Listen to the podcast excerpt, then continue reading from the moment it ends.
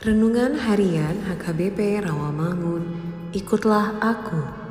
Rabu, 1 November 2023. Dengan judul Tuhan menggendongmu.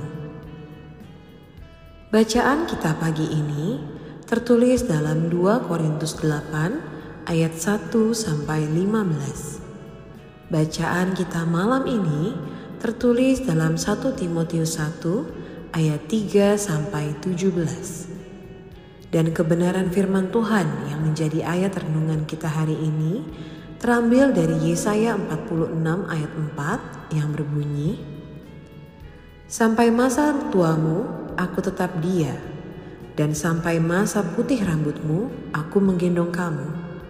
Aku telah melakukannya dan mau menanggung kamu terus. Aku mau memikul kamu dan menyelamatkan kamu. Demikianlah firman Tuhan. Sahabat ikutlah aku yang dikasihi oleh Tuhan Yesus. Yesaya 46 ayat 4 adalah pernyataan Tuhan yang disampaikan Nabi Yesaya kepada bangsa Israel yang sedang mengalami kesesakan, menjadi tawanan bangsa lain akibat ketidaksetiaan mereka kepada Allah. Di mana dalam kesesakan pun ternyata mereka masih tetap saja menggendong patung dewa-dewa yang mereka sembah dan menaruhnya di atas hewan pengangkut beban untuk dibawa lari, menghindar dari kesulitan yang mereka hadapi. Tuhan pun mengingatkan bangsa Israel, apalagi yang mereka harapkan dari dewa-dewa kesia-siaan yang mereka sembah itu. Bagaimana mungkin patung-patung itu dapat menolong mereka sedangkan berjalan sendiri saja tidak bisa?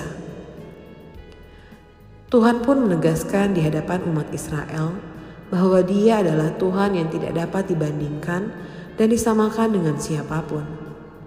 Kesetiaan Tuhan tidak pernah berubah dan tak lekang oleh waktu, sekalipun kita sering menyakiti hatinya dan mengecewakannya. Tuhan tetap bertanggung jawab atas hidup kita dan tidak pernah mengecewakan. Kita akan tetap berada dalam penyertaannya dan perlindungannya tetap berada dalam tangannya. Ia berjanji melindungi dan memberkati kita semua. Bahkan sejak kita masih dalam kandungan sampai usia tua, itu sudah menjadi perhatiannya.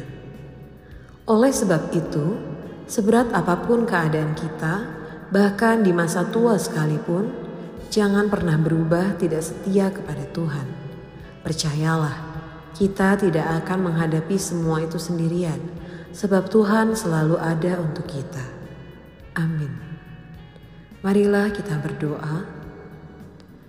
Ya Tuhan Allah Bapa kami di dalam Yesus, kami yakin dan percaya bahwa Tuhan akan selalu menyertai kami dalam keadaan apa pun.